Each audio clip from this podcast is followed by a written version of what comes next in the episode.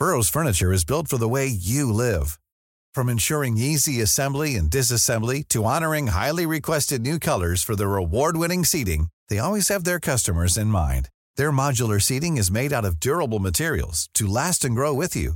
And with Burrow, you always get fast, free shipping. Get up to 60% off during Burrow's Memorial Day sale at burrow.com slash ACAST. That's burrow.com slash ACAST. burrow.com slash ACAST. Hey, I'm Ryan Reynolds. At Mint Mobile, we like to do the opposite of what Big Wireless does. They charge you a lot, we charge you a little. So naturally, when they announced they'd be raising their prices due to inflation, we decided to deflate our prices due to not hating you. That's right. We're cutting the price of Mint Unlimited from $30 a month to just $15 a month. Give it a try at mintmobile.com slash switch. $45 upfront for three months plus taxes and fees. Promo rate for new customers for limited time. Unlimited more than 40 gigabytes per month. Slows. Full terms at mintmobile.com. Everyone knows therapy is great for solving problems. But getting therapy has its own problems too. Like finding the right therapist, fitting into their schedule, and of course, the cost. Well, BetterHelp can solve those problems. It's totally online and built around your schedule. It's surprisingly affordable too. Connect with a credentialed therapist by phone, video, or online chat, all from the comfort of your home. Visit betterhelp.com to learn more and save 10% on your first month. That's BetterHelp H E L P. Du lytter til en podcast fra TV2. Det er finanskrisen fra 2008, der spørger i baghovedet, efter at først to amerikanske banker krakkede i sidste uge, og den svejsiske kredit Suisse i denne uge også kom i problemer. Der sker simpelthen det, at øh, kunderne står i kø desperat for at få fat i deres penge, og det er altså til sammen 300 milliarder kroner, de vil have hævet ud.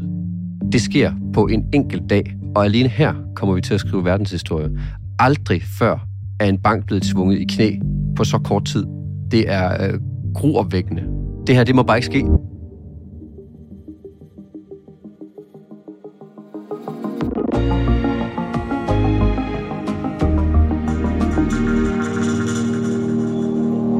Den amerikanske Silicon Valley Bank er kollapset, og det sender chokbølger gennem ikke bare Kalifornien, men hele den vestlige bankverden. Så hvordan rammer det her dig? Er vi ligefrem på vej ind i en ny finanskrise? Det er dato i dag. Jeg hedder Thomas Bug Andersen.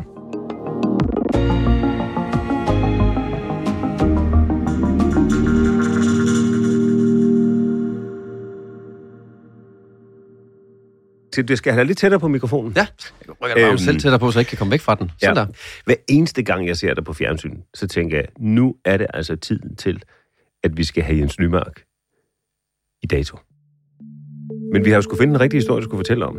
Og den er der nu, for det, hvis der er nogen, der ved noget om banker og potentiel finanskrise, så er det dig. Jens Nymark, erhvervsreporter på TV2. Hvorfor er du så optaget af den her historie? fordi den bare rummer alt, der er spændende ved erhvervslivet, ved de finansielle markeder og det, der rører sig i USA og rører helt almindelige danskere, boligejere, folk, der køber ind. Den rummer simpelthen alt, der er relevant i øjeblikket, og derfor kan man ikke slippe den her historie. Hvad er det, der er så spændende ved den? Det er, at vi står i øjeblikket med fuldstændig vanvittig historieskrivning. Vi troede, at der var styr på tingene. Det var vi blevet lovet. Det viser sig, at det er der måske egentlig ikke. Og derfor har vi altså lige pludselig stået med at se de største udviklinger, negativ chok på rentemarkederne siden 1987. Dengang var der altså noget, der hedder sort mandag, hvor alt ramlede fuldstændig horribelt sammen. Og nu står vi så med næsten en pardon til det på rentemarkederne. Og alene det gør, at det her, det bliver vi nødt til at holde skarpt øje med. Den her fortælling starter forrige fredag over i Amerika. Det er en regnværsdag omkring San Francisco. En gruppe mennesker står foran en filial af Silicon Valley Bank. Der står helt almindelige mennesker, primært mænd. Der står de altså bare en efter en klar til at komme ind. Det er altså kunder i banken, der kun kommer for en eneste ting. Det er for at få deres penge med ud. Kunderne har blandt andet tråde til virksomheder som Airbnb, Dropbox og tv-udbyderen Roku. Der er så mange kunder, at på en enkelt dag, der bliver der hævet for 300 milliarder kroner i banken. They just came out and told us that the bank is shut down. I think they're just trying to figure out everything uh, that they can by Monday. A little nerve wracking uh, when it comes down to how you keep operating your company. Normalt tager det 10 dage at tømme sådan en bank, men på grund af, at du altså også kan gøre det digitalt og ikke kun stille dig op i en øh, kø, jamen så er det altså noget, der på meget, meget, meget kort tid ender med at så bringe den her bank til grunde. Det sker på en enkelt dag, og alene her kommer vi til at skrive verdenshistorie. Aldrig før er en bank blevet tvunget i knæ på så kort tid.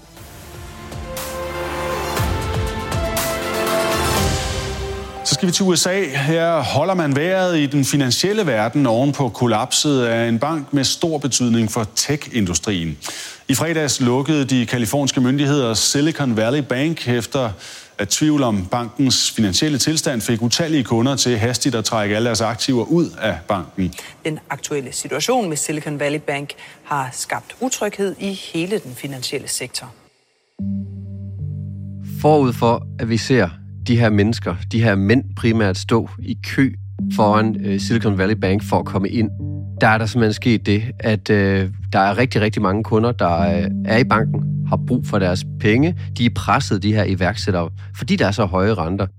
Der har vi set banken være ude og sige, shit, vi er nødt til at sælge ud af vores investeringer for at kunne betale vores kunder, for at kunne udlevere de her penge. Og det har udløst massive, helt uforståeligt store tab i den her bank.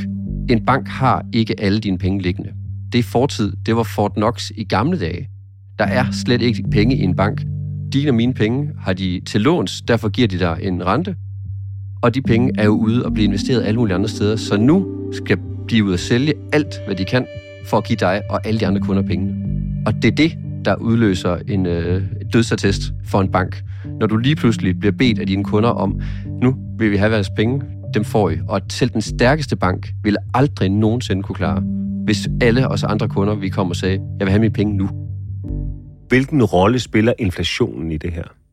Inflationen spiller en altafgørende rolle, når vi ser, hvorfor at Silicon Valley Bank ikke klarede den. Fordi vi altså ser priserne være steget så kraftigt. Vi har gået fra øh, renteniveauer, fra at ingen skulle betale for at låne penge, til nu skal man betale 5%. I USA, i Europa har vi set, at inflationen er kommet over 10%, og nu kæmper vi alt, hvad vi kan for at få den her inflation ned. Det er simpelthen blevet alvorligt dyrt at være til, og der er altså nogen, der er ekstra presset i øjeblikket, blandt andet de her iværksættere. I want to briefly speak about what's happening in Silicon Valley Bank and Signature Bank. Så ser vi hen over weekenden de amerikanske myndigheder, den amerikanske præsident simpelthen trække i arbejdstøjet og forsikre, at der er ingen amerikanere med indestående på bankkonti, der skal frygte for deres penge.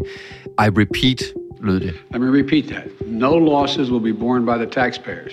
Instead, the money will come from the fees that banks pay into the Deposit Insurance Fund. Fra Joe Biden. Det var meget vigtigt for ham at understrege. Jeres penge er ikke tabt. Og det han underforstået sagde der, det var, please lad være at stille jer ned i den kø, som vi så de her iværksættere i Kalifornien foran Silicon Valley Bank, de stod i. Lad være at gå ned og hæve dine penge. For gør I det, så udløser det her uden tvivl nye store finansielle kriser og krakkende banker. Så det var en amerikansk præsident, der følte sig tvunget til at gå på talerstolen og i talesæt, hvad der for alle os andre er en ligegyldig bank. Af frygt for, at hvis frygten tager overhånd, jamen så kan det her en helt galt. The management of these banks will be fired. Og lykkedes det Joe Biden at opretholde tilliden til det amerikanske banksystem? Det gjorde det jo kortvarigt. Vi så netop, at øh, der er ro på nu. Nu er der altså alle indestående i bankkonti er garanteret. Der kommer en præsident, som lover, de andre banker har det godt. Men så gik der jo få, få dage, og så ser vi jo altså, at øh, det her problem, som vi troede og håbede var et isoleret kalifornisk øh, iværksættermiljøproblem, lige pludselig står Credit Suisse, en stor europæisk bank øh, i Schweiz, med kæmpe store problemer. Aktien falder som en sten, og handel med aktien øh, bliver suspenderet. Og lige pludselig så er det her frygt for bankkrak rykket til Europa. Uroen på finansmarkedet i USA har nu spredt sig til Europa, hvor det også kan mærkes herhjemme.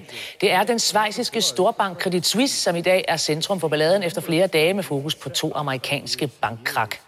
Credit Suisses aktier er styrtdykket så meget, at banken i dag har mistet en femtedel af sin værdi. Det sker efter, at banken har erkendt at have problemer med sin risikovurdering, samtidig med, at hovedaktionæren, der er det saudiarabiske finanshus Saudi National Bank, melder, at de absolut ikke vil skyde flere penge i den svejsiske bank. Herfra har uroen spredt sig og trækker andre europæiske aktier med ned. Aktierne i Danske Bank, Jyske Bank og Nordea falder også bræt. Der var rigtig mange ude at sige, det er jo ikke noget, der sker i Europa, og pludselig står vi der og kigger på Schweiz. altså at albelandet kan slå revner i den her bank her. Og øh, det var sådan set bare en øh, saudiarabisk øh, investor, stor investor, som sagde, hvad de har sagt flere gange, vi vil ikke putte flere penge i banken. Så de sagde ikke noget nyt, men timingen var øh, ildevarslende og var nok til at nu at skabe en frygt for, er Credit Suisse den næste bank, øh, der går ned? Er det nu, vi ser, at nu er det altså en lavine, og dermed ikke et isoleret problem til et hjørne af det amerikanske bankvæsen? Så hvad er forbindelsen mellem de problemer, som Credit Suisse kommer i, og krakket af Silicon Valley Bank? det er, at der er høje renter i USA, der er høje renter i Europa, det gælder også inflation, og nu ser vi de første beviser på, at det får konsekvenser. Der er simpelthen så stort pres på Silicon Valley Bank og på Credit Suisse, at vi nu skal snakke omkring, om en af Europas store banker skal dø, at de simpelthen ikke klarer den, og Silicon Valley Bank var det første offer allerede for, at de her højere renter, de kommer altså til at få alvorlige konsekvenser.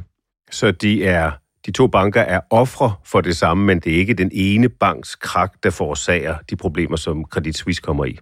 Det er det på den måde, at folk begynder at blive rigtig bange. Det er simpelthen usikkerhed, frygt i markedet, der lige nu gør, at det er meget, meget, meget svært at se, hvor det her det lander hen. Så lad os vende blikket her hjem til vores egen lille, øh, smukke, fantastiske andedam til Danmark. Hvordan reagerer de danske banker? De reagerer ved alle sammen at se deres aktiekurser styrtdykke, fordi det er forbundne kar hele vejen rundt.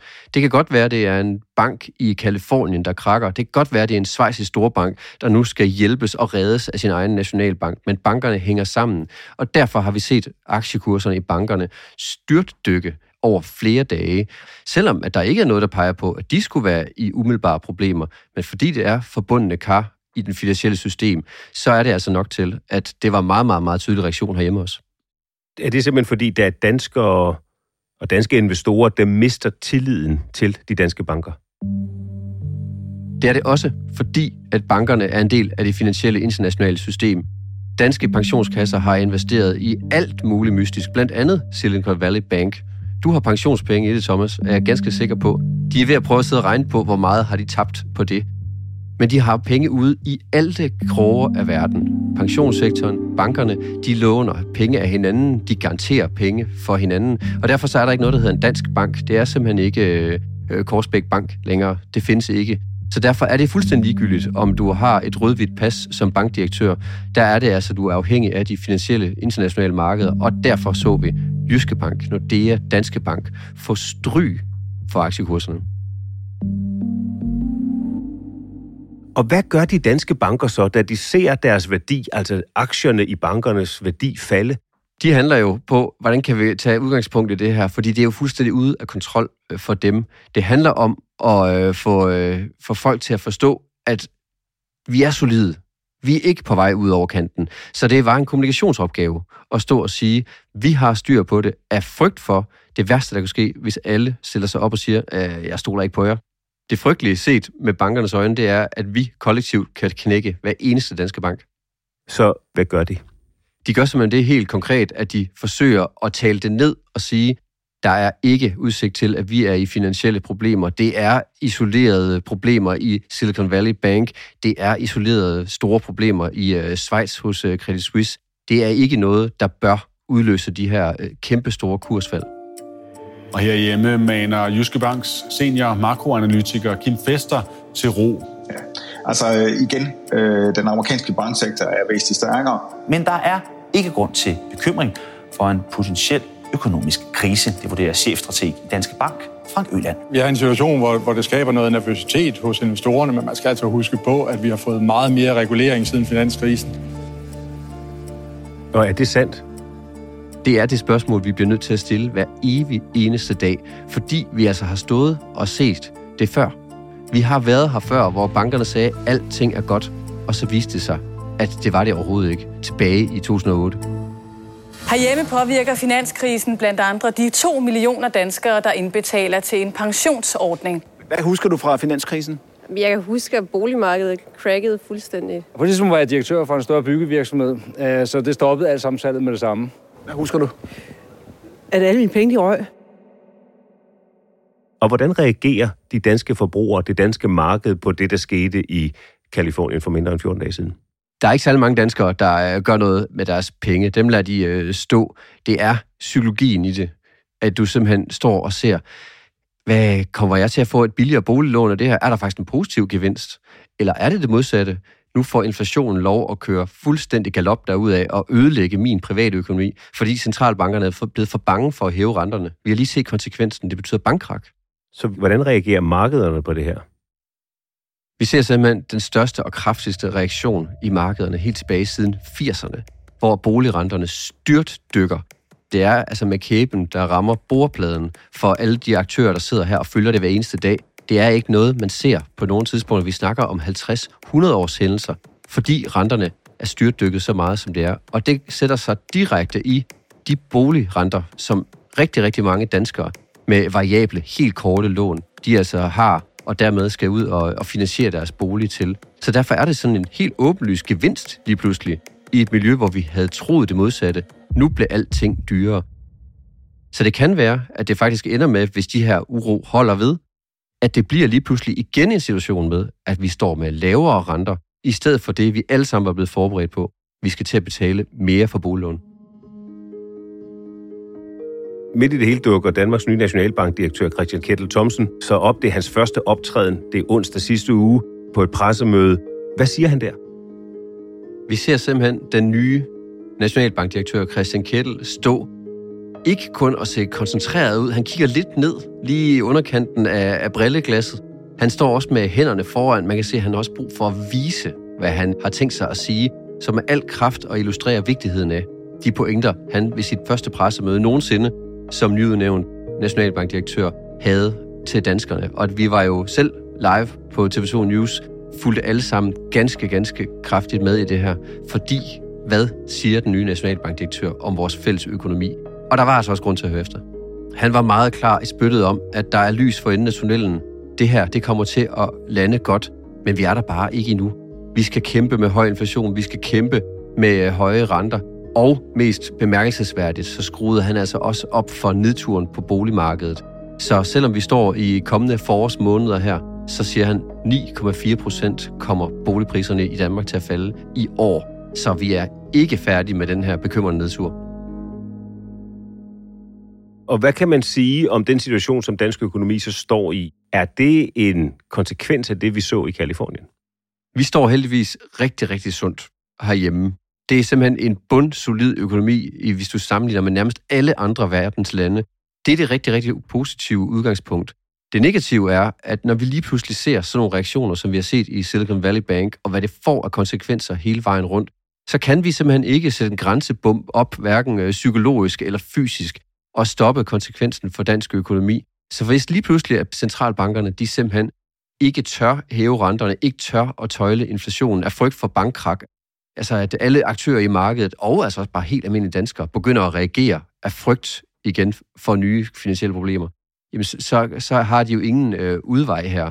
Så det er altså en af de helt, helt store eksperimenter, man står med, både på den store verdenspolitiske scene, men så sandelig også helt ned på en dansk nationalbankdirektør, helt ned til de danske forbrugere. Så vi har altså de sidste to uger oplevet en amerikansk bank, der kollapser. Ja, der er faktisk en mere. Flere andre har været tæt på. Og nu har den vestlige verdens centralbanker så aftalt, at de vil stå klar med støtte, hvis andre banker havner i en lignende situation. En af de helt store spørgsmål i det her, Jens, det er jo, er vi på vej ind i en ny finanskrise, den som væltede øh, en hel masse tilbage i 2008?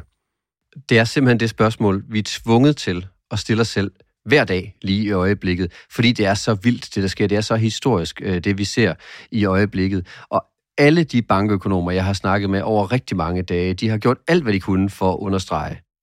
Vi er ikke på vej ind i en ny finanskrise. Bankerne er et helt andet sted. Langt, langt, langt mere solide. De bliver stresstestet ustandsligt. Men det sagde de jo altså også op til krakket i 2008, op til finanskrisen blev udløst. Der var det også lige pludselig Lehman Brothers styrtede til grunde. Det kunne ikke ske, men det skete. Og derfor bliver vi også nødt til den her gang at se på, altså er det kejserens nye klæder? Er der faktisk brug for den der dreng, der står udefra og peger ind og siger, at de har ikke noget tøj på? Det er der altså nødt til det her, fordi vi så, det var et amerikansk problem med en bank, meget få af os har hørt om, så blev det en stor svejsisk bank. Er der flere på vej? Det er der jo ingen, der kan udelukke. Men det forbehold, du tager der, Jens, at vi kan jo ikke udelukke det. Er det noget, du tager alene som TV2's erhvervsreporter, fordi du vil ikke tage i en forkert forudsigelse? Eller er det også noget, eksperterne siger, vi kan ikke være helt sikre? Det er også noget, eksperterne siger. De har brug for at understrege, det kommer ikke til at ske, der kommer ikke en ny finanskrise, men samtidig også understrege, at vi aner ikke, hvad der kommer til at ske her fremover, og de næste dage og uger bliver ganske, ganske kritiske og meget spændende at følge med i. Og en af dem, jeg talte med, han sagde også, ved du hvad, jeg stod også selv tilbage i 2007 og 2008 og sagde, at de der subprime-lån i USA, isoleret lille, ubetydeligt problem, ikke noget, der vil overhovedet få konsekvenser i resten af verden. Det viste sig så bagefter at være en kæmpestor løgn og få fatale konsekvenser. Hvis vi dykker ned i den enkelte danskers privatøkonomi, skal man spare på pengene, eller skal man ud og forbruge? Vi har alle sammen brug for, at øh, vi øh, forbruger det er faktisk en af de ting, der skal holde øh, godt gang i, øh, i julene. Men hele øvelsen er samtidig også, at vi ikke må forbruge for meget. Og det værste, der kan ske, det er, hvis vi går i panik alle sammen. Det må ikke ske. Og det er jo derfor, at bankerne er så bange for situationen i øjeblikket, fordi vi som forbrugere kan være med til at afgøre skæbnen for, om centralbankerne får styr på inflationen, om der kommer til at ske flere bankkrak. Vi må ikke gå ned og hæve vores penge af frygt for, at øh, bankerne ikke klarer den. Vi må ikke stoppe fuldstændig med at forbruge. Det er virkelig vigtigt med et privat forbrug herhjemme. Og samtidig så er det jo vigtigt, at vi kan klare de her kriser.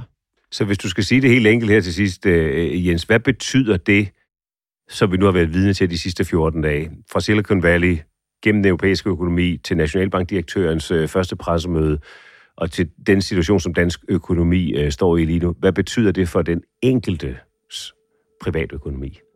Det betyder, at nu ser vi virkelig de alvorlige konsekvenser af de stigende renter, vi har set det sidste halvandet år. Det betyder noget for vores almindelige købekraft, når vi står nede i kølemontren og skal vælge, hvad vi skal købe ind.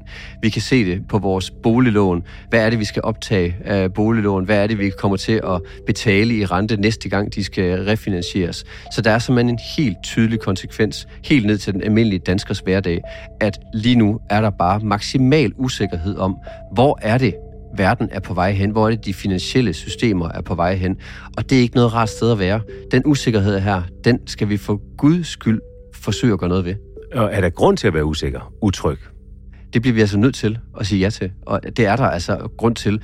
Fordi vi ikke ved, om det her det ender med en nyt finansielt krak, en ny finansiel ustabilitet. Selvom alt peger på, at det er der altså ikke. Vi står i de danske husholdninger er stærkere end nogensinde. Vi har klaret coronakrisen med bravur. Vi står virkelig, virkelig stærkt. Vores banker er blandt de stærkeste i hele verden. Det er der altså virkelig vigtigt at holde fast i. Så der er ingen umiddelbare fare eller alarmklokker, der ringer. Men når sådan noget her sker, når en bank i Silicon Valley kan udløse så stor panik, så store bevægelser, at helt almindelige mennesker lige pludselig kan overveje at optage nye former for boliglån, at vi skal stå og snakke omkring, om boligpriserne om de kommer til at falde yderligere, jamen så hænger de her ting sammen, og så får det bare en åbenlyst konsekvens. Fascinerende. Tak for dine uh, to cents, uh, Jens Nymark, erhvervsreporter her på TV2. En fornøjelse. I lige måde. Du kan høre flere afsnit af Dato, der hvor du finder din podcast. Det er Rikke Romme, der har sat endnu en episode ind på Dato-kontoen, sammen med lyddesignerne Ida Skovskov og Leo Peter Larsen, bankdirektør Astrid Louise Jensen. Jeg hedder Thomas Bug Andersen. På genhør.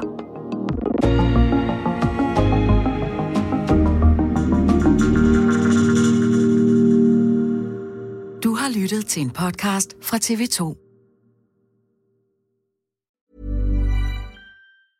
Even when we're on a budget, we still deserve nice things. Quince is a place to scoop up stunning high-end goods for 50 to 80% less than similar brands. They have buttery soft cashmere sweaters starting at $50, luxurious Italian leather bags, and so much more. Plus, Quince only works with factories that use safe, ethical, and responsible manufacturing. Get the high-end goods you'll love without the high price tag with Quince. Go to quince.com/style for free shipping and 365-day returns.